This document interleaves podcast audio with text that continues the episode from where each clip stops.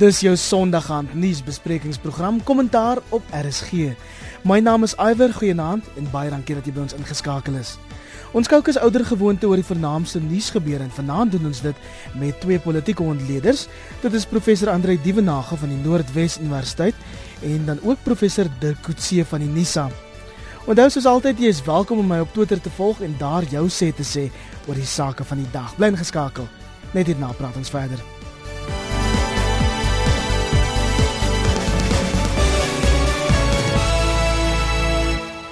Kollegas en so het parlementariërs Vrydag al werksamehede afgesluit.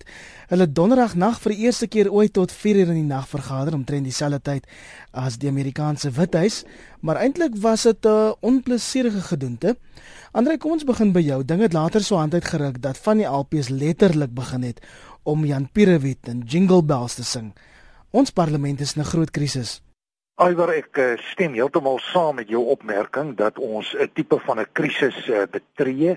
Ek dink die parlement in besonder word uitgesonder vir die krisis, maar ek dink die omgewing, die groter omgewing dui ook op elemente van 'n konstitusionele krisis. Maar as ons net vinnig kan stil staan by wat in die parlement afspeel, dis baie duidelik dat die oppositie hulle nie meer skik na reëls nie en dat die oppositie die punt bereik het waar hulle eintlik maar die argument probeer stel dat die huis se legitimiteit is onder verdenking en hierdie legitimiteit is onder verdenking omdat die uitvoerende gesag nie bepaalde sake nakom ten opsigte van die wetgewende gesag nie. Ons dink byvoorbeeld hier aan spesifiek meneer Jacob Zuma wat in afwesigheid is sedert 21 Augustus.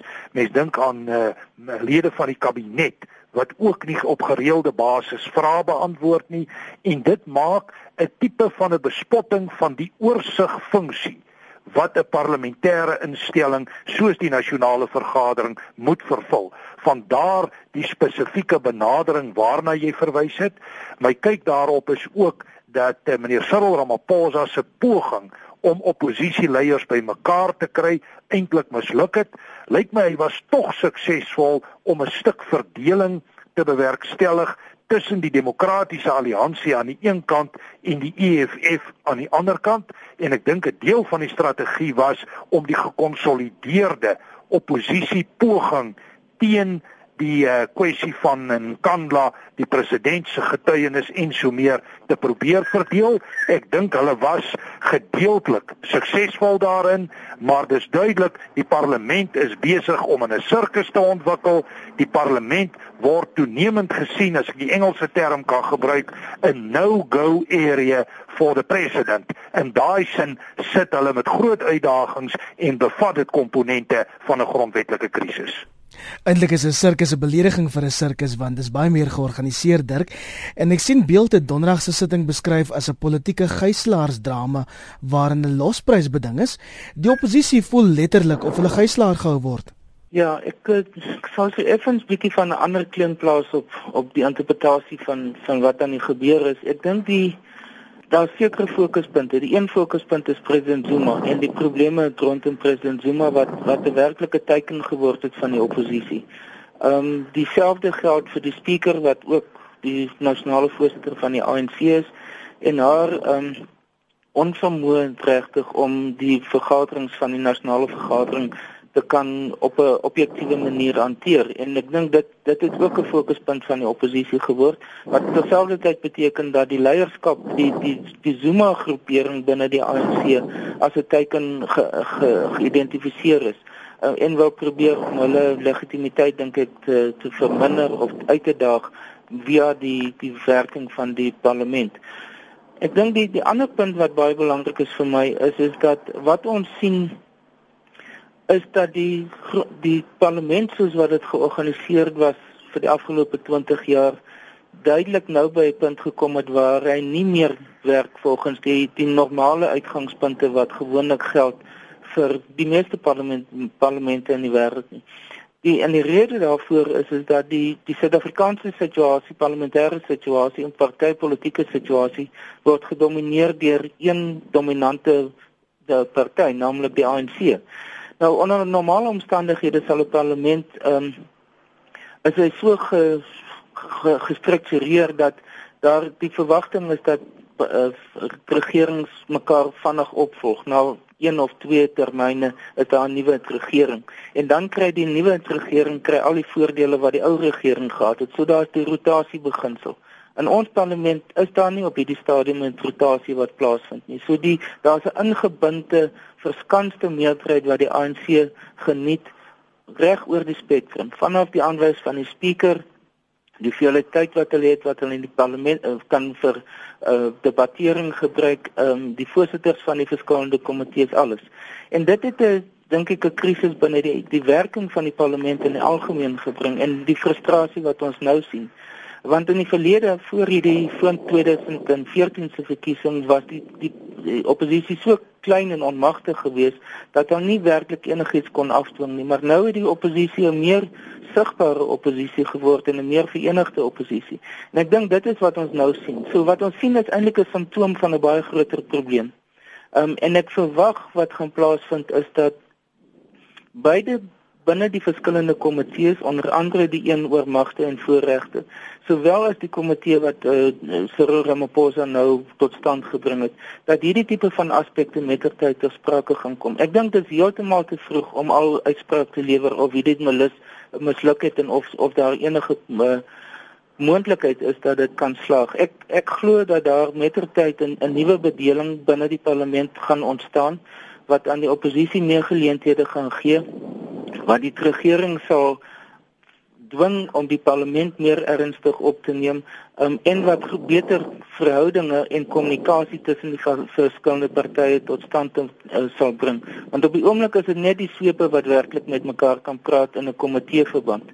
So ek dink wat ons nou sien lyk baie stormagtig, dit lyk baie die mekaar, dit lyk asof dit die parlement se se waardigheid aanpas, maar ek dink op die langtermyn gaan ons dalk iets nuut en selfs produktief uit dit sien. So Dirk is 'n bietjie meer hoopvol Andre, maar jy reken ons hier af op 'n grondwetlike krisis. Ja, ek eh, ek kyk 'n bietjie anders na die saak as Dirk. Ek dink eh, wat Dirk daar stel is 'n ideale scenario. Ek dink mense wil graag sien dat daar interne hervormings binne jou parlementêre proses, prosedures en aanstellings plaasvind wat jou debatte meer ewewigtig maak, beter georganiseerd maak.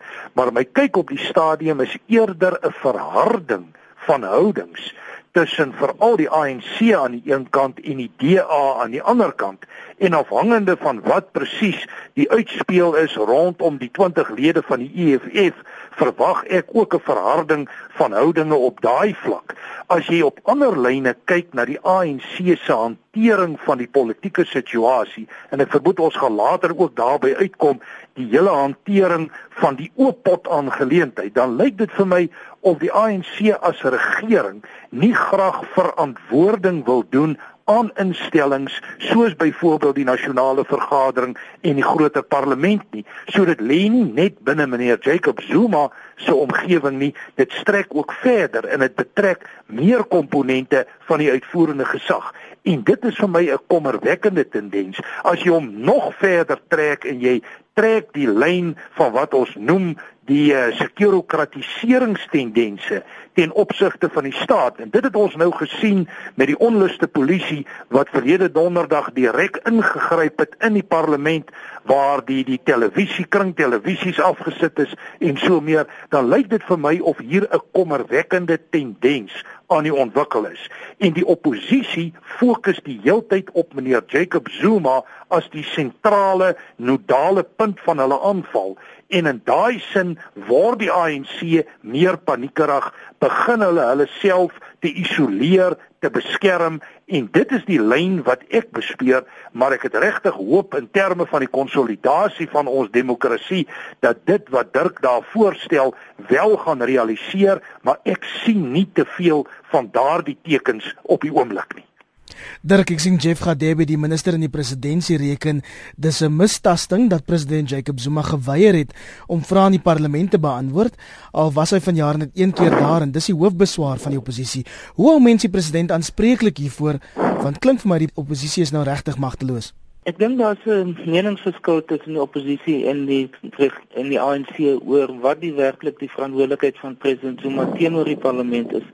Maar as mens kyk na die verskillende aspekte of in verwysings binne die grondwet is dit heeltemal duidelik in Ek dink daar's nie werklik 'n debat meer te voer daaroor dat hy verantwoordelik is teenoor die parlement dat hy op 'n gereelde basis daar moet verskyn en dat hy as hoof van die uitvoerende gesag ehm um, verantwoording moet doen aan die parlement sowel as die feit dat hy deur die parlement verkies is. Dit is 'n ander situasie as 'n president sê maar in Amerika of in Frankryk of in enige van die ander presidensiële stelsels waar die president direk verkose is um, en waar die die president dus nie op dieselfde manier verantwoordelik is teenoor die parlement as in ons geval nie. Ons is een van die uitsonderings saam met Angola en Botswana waar die president uitvoerende magte het um, maar deur die parlement gekies word. En ek dink dit is terselfdertyd het die parlement ook die reg van om 'n mosie van wantroue in die aan die president aan, aan te neem wat in presidensiële stelsels ook nie bestaan nie. So dit is alles aanduidings van die verhouding wat daar tussen die president en die parlement veronderstel is om te bestaan. Uh, maar ek dink as gevolg van wat die die, die in 'n sekere sin die presidensiële krisis wat ons nou sien, ehm um, het, het daardie verhouding nou skipbreek gelei. Um, en ek dink een van die groot sake en ek het vermoed dat hierdie nuwe komitee wat uh, die adjunkt president wil saamstel waarskynlik die meganisme sal wees om om die situasie voor te berei vir president Zuma om terug te kom ehm um, dat dit nou wel dit lyk asof dit werk nie so goed soos wat aanvanklik gehoop is nie. 'n Mens moet aan aan die ander kant sê president Zuma was nou al twee keer in die nasionale raad van provinsies gewees. So die probleem is eintlik met die nasionale vergadering, dis nie met die parlement in geheel nie. Hy was in die in by nasionale raad van provinsies was hy het hy soort van sy verpligtinge nagekom, maar dit is 'n uh, spesifiek in die geval van die nasionale vergadering waar die vryheid uh, wat die EFF natuurlik meer verteenwoordigend is um, en 'n groter invloed op die besprekings kan uitoefen um, wat hy nou baie ywerig is om daartoe te kom. Maar andersins is hy tog 'n afwesige president. Ek weet hy was die week in Botswana vir die binnasionale kommissie daar, maar Andre, ons sien wel dat adjunk president Cyril Ramaphosa al hoe meer die presidensiële dinge begin doen. Ja, as ek net vinnig kan aansluit by wat Dirk daar gesê het. Dirk is heeltemal reg. Artikel 92.2 bepaal duidelik en as ek kan aanhaal uit die grondwet, members of the cabinet are accountable collectively and individually to parliament. Dit wil sê albei huise for the exercise of their power and the performance of their functions. En dan uh, artikel 92.3c members of cabinet must provide parliament with full and regular reports concerning matters under their control. En dis duidelik dat die president hierdie verantwoordelikheid ontduik. Ons sien die president telkens op ander plekke het sy iewers in die wêreld uh, jy verwys nou na sy besoek aan Botswana. Mens kry die idee dat ons hier te maak het met 'n afwesige president, 'n president wat nie daar moet wees waar sy primêre verantwoordelikheid is nie en dit reflekteer baie negatief op die landsregering, maar dit reflekteer ook negatief op die ANC. En ek dink wat belangrik is hier is is die vraag tot watter mate kan en gaan die ANC hierdie situasie verdra en verduur? Wanneer gaan die ANC begin om meer drasties op te tree in die verband? En ek dink die rol waarna jy verwys van meneer Cyril Ramaphosa is reeds 'n aanduiding dat bepaalde regeringspligte oorgedra word aan die adjunkt president. Maar dit wil nie vir my outomaties sê dat meneer Cyril Ramaphosa die gunsteling is om vorentoe oor te neem by meneer Jacob Zuma nie, maar dit is duidelik dat hier 'n rolverandering ter sprake is. Dit hou verband met die krisis rondom meneer Zuma, sy leierskap in die algemeen en ek dink dit voorspel vir my 'n redelike moeilike tyd binne die ANC. Maar die ANC sal iewers by 'n punt moet kom dat daar drastiese besluite geneem word oor hoe gaan hulle die hele Nkandla saak hanteer, die posisie van die president en hiermee saam die hele parlementêre bedeling. En in dieselfde asem met die Mail and Guardian die week onthul dat vyf leiers van die ANC in verskillende provinsies daarop aandring dat president Zuma se termyn verleng word. Dirk, jou reaksie daarop? Ja, soos ek verstaan gaan dit oor die sy sy rol of sy sy rol as ANC president, nie as nasionale president nie, want ek meen dit is 'n konstitusionele saak wat wat nie verander kan word nie. Die ANC het nie 'n tweederde meerderheid in die parlement nie. Um, en ek dink daar's geen oppositieparty wat hulle sal ondersteun in daardie saak nie. So dit is definitief 'n uh, dit klink baie na 2007 president Mbeki, né?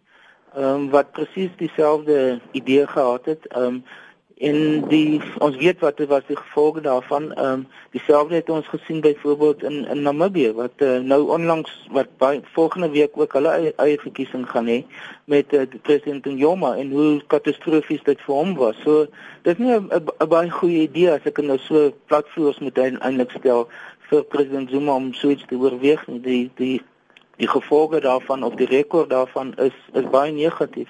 Ek dink wat wat ter sprake hier is is 'n variasie op die sogenaamde KwaZulu-Natal 20 jaar plan.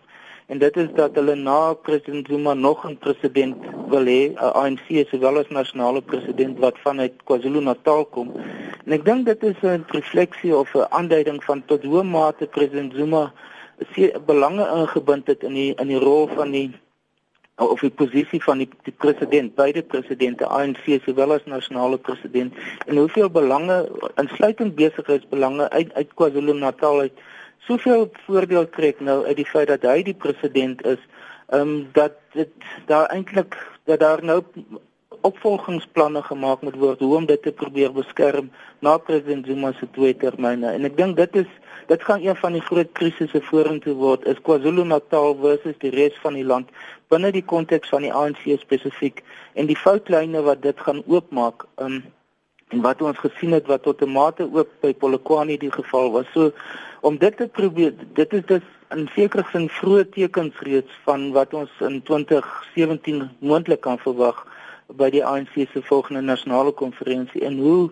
problematies en gepolitiseerd dit daar gaan wees In ander nuus, die metaalwerkersvakbond NUMSA sê hy het 'n oortuigende mandaat van sy Wes-Kaapse lede en ander filiale gekry om voort te gaan met sy planne om organisasie op die been te bring wat 'n alternatief tot die ANC sal wees. En ons weet NUMSA het beloof hierdie sosialistiese beweging behoort al in Desember op die been te wees, Andre. Ja, inderdaad is dit so dat NUMSA nou ten minste polities gesproke 'n alternatiewe weg wil opgaan. Ons is bewus van die inisiatiewe rondom die totstandkoming van 'n United Front wat nogal herinner aan die ou United Democratic Front van die jare 80 en uiteraard moet dit éventueel uitloop op 'n tipe van 'n werkersparty wat homself moet definieer vorentoe en waarskynlik moet deelneem aan die 2016 plaaslike verkiesing. En ek dink hier het bepaalde rooi ligte vir die ANC aangegaan. Ek wil net beklemtoon dat die Nomsa Kossatu geveg nog nie heeltemal uitgesorteer is nie. En my indruk is dat daar van die kant van die ANC die nuutste wat ons opgetel het 'n bepaalde toenadering is na die kant toe van meneer Zwelenzima Wawi en Nomsa en dit lyk vir my of dit verband hou met die poging om dalk 'n nasionale kongres af te dwing vorentoe want dit is vir my nie 'n uitgemaakte saak dat Nomsa en sy ondersteuningsbasis by 'n nasionale kongres nie 'n meerderheid op hulle self kan verenig nie. In daai sin is hier baie hoë risiko's vir die ANC opgesluit in hierdie proses waar hulle met die huidige besluite Nomsa kan verloor kan hulle via 'n nasionale kongres dalk die risiko loop om die hele Kossatu te verloor en die hele Kossatu te verloor na die kant toe van hierdie werkersparty wat ek uh, pas geïdentifiseer het. In daai sin is daar rooi ligte. Ons is bewus dat meneer Cyril Ramaphosa en 'n groep wil gesprekke voer met Kossatu en met Nomsa. In daai sin is die uitkoms van dit wat nog daar moet gebeur in die weegskaal en ek dink dit sal interessant wees om te sien hoe die proses oor die volgende weke gaan ontvou. Maar dis duidelik dat die ANC bekommerd is oor die Nomsa breek. Hulle is bekommerd oor meneer Zwelenzima Wawi en sy invloed van daardie feit dat hy nie uit die uh, Kossatu uitgeskort is direk nie. So ek dink hier's interessante tye, hier's 'n baie interessante dinamika wat hom uitspeel links van sentrum en ek is van mening dat dit in die toekoms 'n al hoe belangriker definierende omgewing gaan word vir die Suid-Afrikaanse politiek in die algemeen. Ons het ook die week gesien hoe Kusatu sy strategie begin verander. Die vakbond federasie het toegegee aan druk van Nomsa en sewe ander vakbonde om nou wel 'n spesiale nasionale kongres te hou, Dirk. Ja, ja, dit is dis moeilik om dit 100% te verstaan wat is die strategie van die Dlamini groepering binne die ANC uh, binne Kusatu. Ehm um, ek dink hulle aanvaar dit dat hierdie besluite is geneem op die basis daarvan dat Nomsa dan nie daaraan sal deelneem nie. terwyl die die uh, perskonferensie wat Willem Zimbabwe daarna gehad het, het hy daarop aangedring dat dit 'n inklusiewe konferensie of 'n proses moet wees en by implikasie die die kongres ook wat noem sou sou insluit. Nou ek is nie seker of of daardie scenario uiteindelik sal kan realiseer nie. Ehm um, want dit gaan al die ou probleme weer terugbring en ons het gesien hoe Cyril Ramaphosa, Jesse Duarte en die taakspan van die ANC oor nou 'n lang periode probeer het om 'n uh, te medieer tussen die twee kampe binne Kusatu en uh, daar daar niks daar uitgekom nie. Daar het geen positiewe gevolge gewees nie.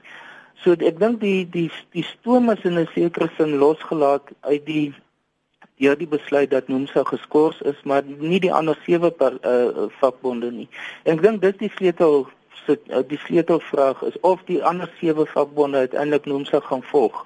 Um, ek stem saam met Andre dat daar nog steeds 'n magstryd binne Kusatu is oor wie werklik in beheer van Kusatu gaan wees en hierdie spesiale nasionale kongres kan 'n 'n 'n forum word waar so 'n besluit geneem kan word, maar gegee die relatiewe oorwinning wat die Dlamini groep oor die Nomsa groep gehad het tot dusver en met president Zuma as die as die persoon wat agter dit staan, um, dink ek gaan nou nie maklik daardie wins wat hulle gemaak het nou opgee nie. So ek is effens meer pessimisties oor die moontlikheid van 'n versoening tussen die verskillende groeperings binne Kusatu. Ek dink die bedingingsmag wat die Nomsa groepering nou het, is die feit dat as die ander sewe saam met hulle ander sewe vakbonde saam met Nomsa gaan, dan gaan uh, Kusatu amper die helfte van hulle lede verloor en dit gaan beteken dat daar dan 'n ander totaal ander Kusatu uh, gaan oorbly as wat daar tot nou toe was. Ehm um, dit sal ook die die hele alliansie se karakter totaal verander en die invloed wat die georganiseerde ehm um, arbeidsorganisasies in die politieke besluitnemingsproses gaan hê. So dit het baie implikasies. Ek ek dink die die punt wat mense miskien nie moet oorgryf nie is die tot watter mate die noemsa faktor 'n groot impak gaan hê op verkiesingsuitslae. Ek dink nie dis die geval nie. As dit net noem sou is moet sy 350 000 en mes vergelyk dit met die 10 of 11 miljoen stemme wat die ANC kry, dan is dit 'n relatief klein persentasie. So die die die politieke invloed van hierdie ontwikkelings is is meer simbolies van aard as wat dit werklik 'n 'n direkte impak gaan hê op die verkiesingspolitiek van die ANC. Uh, maar op die langtermyn dink ek gaan dit vir die ANC en veral vir die werkings werkersdimensie van die ANC se ondersteuningsbasis gaan dit sekere implikasies hê, maar nie noodwendig dat dit gaan beteken die ANC se meerderheid in verkiesings gaan onmiddellik daardeur bedreig word nie. Jou reaksie daarop, Andre? Wel ek stem met Dirk saam. Ek dink die Nomsa faktor in terme van reële getalle is 'n beperkte faktor, maar ons moet net in berekening bring dat hier 'n groter beweging en proses saamhang met die sogenaamde Nomsa moment en dit is die sogenaamde United Front beweging. My verstaan was direk na die Nomsa skorsing was daar verskeie vergaderings landwyd om 'n sogenaamde linkse sosialistiese beweging te laat momentum kry en dit sal interessant wees om te sien tot watter mate hulle wel daarin kan slaag om 'n momentum op te bou. Uh, ek dink 'n mens sou die argument ook kon voer dat 'n Nomsa lyn 'n tipe vermenigvuldiger ook kan wees in jou verkiesingsomgewing, maar op die oomblik is dit vloeibaar en ek dink die meer konservatiewe kyk van Dirk daarop is waarskynlik nader aan korrek, maar ek dink daar is risiko's vir die ANC in terme van steunbasisse. Wat wel baie interessant gaan wees is die klomp tussenverkiesings wat ons nou eersdaags gaan kry hier in Nakamodiri Molema waar die uh, provinsiale uitvoerende komitee van die ANC en ook die regering daardie provinsie se strukture ontbind het en daar moet 'n reeks tussenverkiesings gehou word en ons weet tradisioneel is daai omgewing in Noordwes nie baie positief teenoor die Supra-Moamotelo Zuma lyn nie en volg hulle 'n oppositielyn. En dit sal interessant wees om te kyk hoe die onafhanklikes wat daar gaan staan hulle steunbasisse kan konsolideer teenoor die ANC. Dit behoort ook interessant te wees om te sien wat die aard van die verhouding is tussen die EFF groeperinge en die groeperinge wat in die vakbond omgewing hulle self baie sterk gedefinieer het in die verlede in oppositie tot die ANC. So ek dink die eerste toets vir die ANC in die verband lê eersdaags in Nakamudiri Molema. En ander nuus harde woorde het weer die week geval oor die skynbare onvermoë van die onafhanklike polisie ondersoekdirektoraat Oopot om sake op te los. Die polisie het dan ook tydens 'n vergadering van 'n ad hoc komitee in die parlement erken dat daar 'n koue oorlog tussen die polisie en Oopot woed. Wat is die eintlike storie hier, Dirk? Daar's verskeie faktore wat waarskynlik hier te sprake is. Die die een is is dat die die ondersoekeenheid is veronderstel om 'n onafhanklike uh, posisie in te neem teenoor die uh, polisie. Um, hulle is amper iets soortgelyk soos die openbare beskermer in verhouding tot die grootste deel van die openbare sektor of die regeringsinstellings. Um, en dan moet 'n kritiese verhouding tussen die twee wees. As die twee te na mekaar beweeg, gaan nie die onder, ondersoek uh, de, uh, departement gaan hulle nie in staat wees om werklik hulle funksie te kan vervul nie. Ek dink as mense onsself net daaraan herinner is dat Robert McBride is nou die die hoof van hierdie afdeling. Ehm um, en hy het daar was groot bedenkinge of hy werklik hierdie rol kan vervul as gevolg van sy politieke agtergrond binne die ANC um, en om kontribusies wie of hy werklik onafhanklik sal kan staan teenoor ander sekerheid sekuriteitsinstellings soos die polisie en hierdie hierdie rol kan vervul. Ons het oor die algemeen gesien die afgelope tyd dat daar uh, die statistieke van insidente van mense wat in aanhouding sterf van uh, vrede vrede optrede van polisie teenoor die publiek um, wat die die beeld van die van die publiek van die posisie polisie in die algemeen ernstig verswak het en wat die geloofwaardigheid van die polisie ook onder druk plaas. Sodat dit is in die eerste instansie in die hande van van hierdie instelling om te probeer om ten minste in die openbare oog um die beeld te skep dat daar is 'n geloofwaardige instelling wat sy hand op die optrede van die polisie hou. Die polisie natuurlik as gevolg daarvan is is uh, is krities ingestel teenoor hierdie instelling omdat hulle dit sien as 'n opponent, as as 'n groepering wat krities teenoor hulle gaan wees wat dan nie noodwendig gaan ondersteun in dit wat hulle doen nie. Um, en dit skep hierdie hierdie ongemaklike verhouding wat daar tussen die twee bestaan. Oopot klap sy beurt Andre dat hulle aanbevelings bloot deur die polisie geïgnoreer word of dat die strawwe te lig is. Inderdaad so iwer die syfer wat genoem word deur Opot is dat hulle 788 sake uh geïdentifiseer het en dat slegs omtrent 15% daarvan behoorlik ondersoek word en dat daar dikwels nie meer gehandel word nie of nie behoorlik uitvoering is nie. En dit is 'n baie ernstige aanklag teen 'n polisiemag wat reeds styer onder 'n groot aantal uitdagings. Daar's toenemend groeperinge uit die burgery wat begin om reg in eie hande te neem wat die argument voer dat die polisie is nie by magte om hulle basiese taak te kan vervul nie. En hier kry jy dan nou ook die situasie en dis baie in lyn met die hele Zuma Nkandla problematiek dat 'n uitvoerende instelling soos die polisie mag nie verantwoordelikheid wil doen aan bepaalde instellings soos Opot nie. Dis 'n aanduiding dat die hele kwessie van die oorsigfunksie van instellings geïgnoreer word en dit is wat my aanbetref 'n redelike aantasting van 'n sentrale demokratiese beginsel en ek is weer terug by my punt wat ek vroeër gemaak het dat dit hang saam met bepaalde krisisse in die staat, strukture wat al hoe meer disfunksioneel word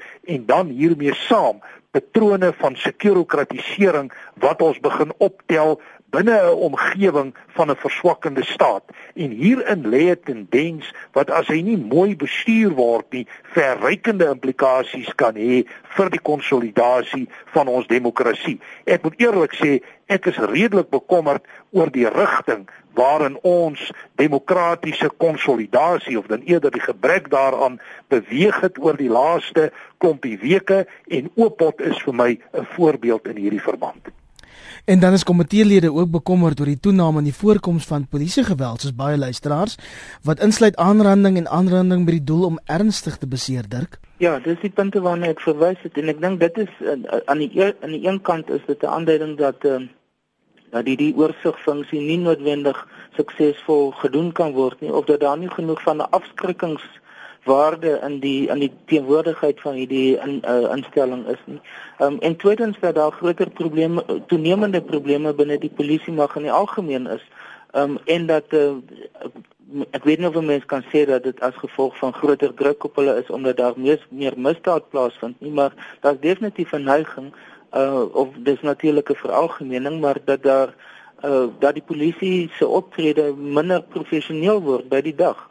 Uh, en ek dink dis een van die van die heel grootste uitdagings wat daar is vir die huidige regering is hoe om om 'n uh, uh, impak te kan maak op die die misdaadsituasie in algemeen moet die polisie mag baie meer professioneel optree. Um, en ek dink dit is die groot punt wat afwesig is. Mens sien dit in verskeie sektore. Daar was byvoorbeeld 'n aankondiging vroeër hierdie week oor die groter professionalisering wat daar moet plaasvind binne die die opvoedingssektor by onder onderwysers en skoolhoofde en wat en vorentoe moet to, toetse skryf oor bevoegdheid voordat hulle bevorder kan word. Dis die tipe van aspekte dink ek wat baie ernstig oorweeg sal moet word in die polisie diens in die algemeen oor hoe om nie net intern nie maar ook met die oog op die persepsie wat daar in die in die by die publiek in die algemeen bestaan oor die polisie hoe om dit te verander deur stappe te neem wat werklik daarop aandui dat dit nie gaan oor jou politieke oriëntasie of jou politieke geskiedenis of wie jy ken nie maar wat is jou werklike vermoë om as polisiepersoon op te tree ons het dit gesien ook met die um, die Falum kommissie hoe verskillende aspekte daarvan nou na vore gebring is. Ehm um, beginnende by die nasionale kommissaris van polisie nou wat baie mense argumenteer sy kom nie uit die polisie uit nie, sy het nie 'n polisie agtergrond nie, sy verstaan nie die polisie die werking van die polisie mag in die algemeen nie, maar kom uit 'n uit 'n bestuursagtergrond, uit 'n besigheidsagtergrond en dat dit bloot nie nie werk nie. Ehm um, die feit dat iemand soos Becky Trele nou probeer om a, met 'n veldtog om homself meer populêr te maak en met die idee om hopelik uit sy oogpunt terug te kom as nasionale kommissaris is is is is hoogs problematies gegee die omstandighede hoekom hy uit sy pos uitgeskop is. Um so ek sou sê dit is alles aanduidings van die die geloofwaardigheidsprobleme wat daar op die oomblik binne die polisie uh, bestaan en dan natuurlik hierdie optrede vir van die polisie die statistieke vererger dit net. Andre, wil jy saamvat die pad vorentoe? Ja, ek dink eh uh, Dirk is heeltemal reg in sy ontleding oor al daardie uitdagings van die polisie. My my kyk daarop is maar net en mense kan die vraag miskien vra wanneer laas het ons 'n kommissaris van polisie gehad wat onbevlek is, wat sterk leierskap neem en wat regtig die polisie mag as 'n instelling vorentoe neem. Ek kan net sê in my direkte akademiese omgewing is hierdie saak waaroor ons nou gepraat het, een van die fokuspunte van ons strategiese gesprek op hierdie tydstip waar ons juis kyk of ons in terme van akademiese kwalifikasies die polisie mag beter kan toerus en daardie tipe waardestelsels kan ontwikkel wat nodig is. Maar die uitdagings is geweldig groot en as ek vorentoe kyk dan lyk dit vir my of die Suid-Afrikaanse politieke ekonomie en jou verbandhoudende sosiale omstandighede groter uitdagings gaan stel wat dit des te meer belangrik maak vir 'n polisie mag om funksioneel te wees, om te funksioneer vanuit 'n sterk waardegeoriënteerde sentrum en 'n instelling te wees wat binne die konteks van 'n demokratiese omgewing sy ding kan doen. En ek moet sê ek dink daar wag 'n redelike lang en 'n moeilike pad vir die polisie om juis dit te bereik. Jou samevatting Dirk Ja, ek stem saam met eh, met Andre Terloops. Unisa het, het dieselfde inisiatief geneem en ook 'n ooreenkoms met die polisie gesluit vir die opleiding van hulle senior uh, persone. So daar is daar's genoeg ondersteuning uh van verskillend vanuit noem dit nou die burgerlike gemeenskap um, om die polisie se situasie te probeer aanspreek. Ek dink dit dis nou in die hande van die polisie, die vanaf die minister dwarsteer tot die polisie op verskillende vlakke om om werklik die inisiatief te neem. Um, ek dink een van die groot aspekte is dat die die polisie is een van die mees sentrale essensiële funksies van enige staat is polisieering. Ehm um, as polisieering val dan is in die in terme van die, ons ou beskouing oor hoekom die staat in die eerste instansie daar is, dan verval dit. Ehm um, so dit is van absoluut kardinale belang dat daar 'n polisie mag moet wees wat hulle funksie kan vervul want wat ons nou gedoen het of sien ontwikkel het oor die afgelope paar dekades is dat die polisie funksie in 'n maat in 'n groot mate geprivatiseer is met al die privaat uh, uh, sekuriteitsinstellings uh, in maatskappye wat daar bestaan het hulle eintlik 'n alternatiewe polisie mag geword en dit op sigself is hoogs problematies so daardie situasie sal definitief omgekeer moet word Kollegas, dis al waarvoor ons tyd het vanaand hier op kommentaar. Baie dankie vir julle tyd. Dit was die politieke ontleeders professor Andre Dievenage van die Noordwes Universiteit. Naam sê Andre. Naam te Iwer, naam Dirk. En dan ook professor Dirk Coetzee van die Nisa, naam sê Dirk. Goeienaand Iwer en Andre.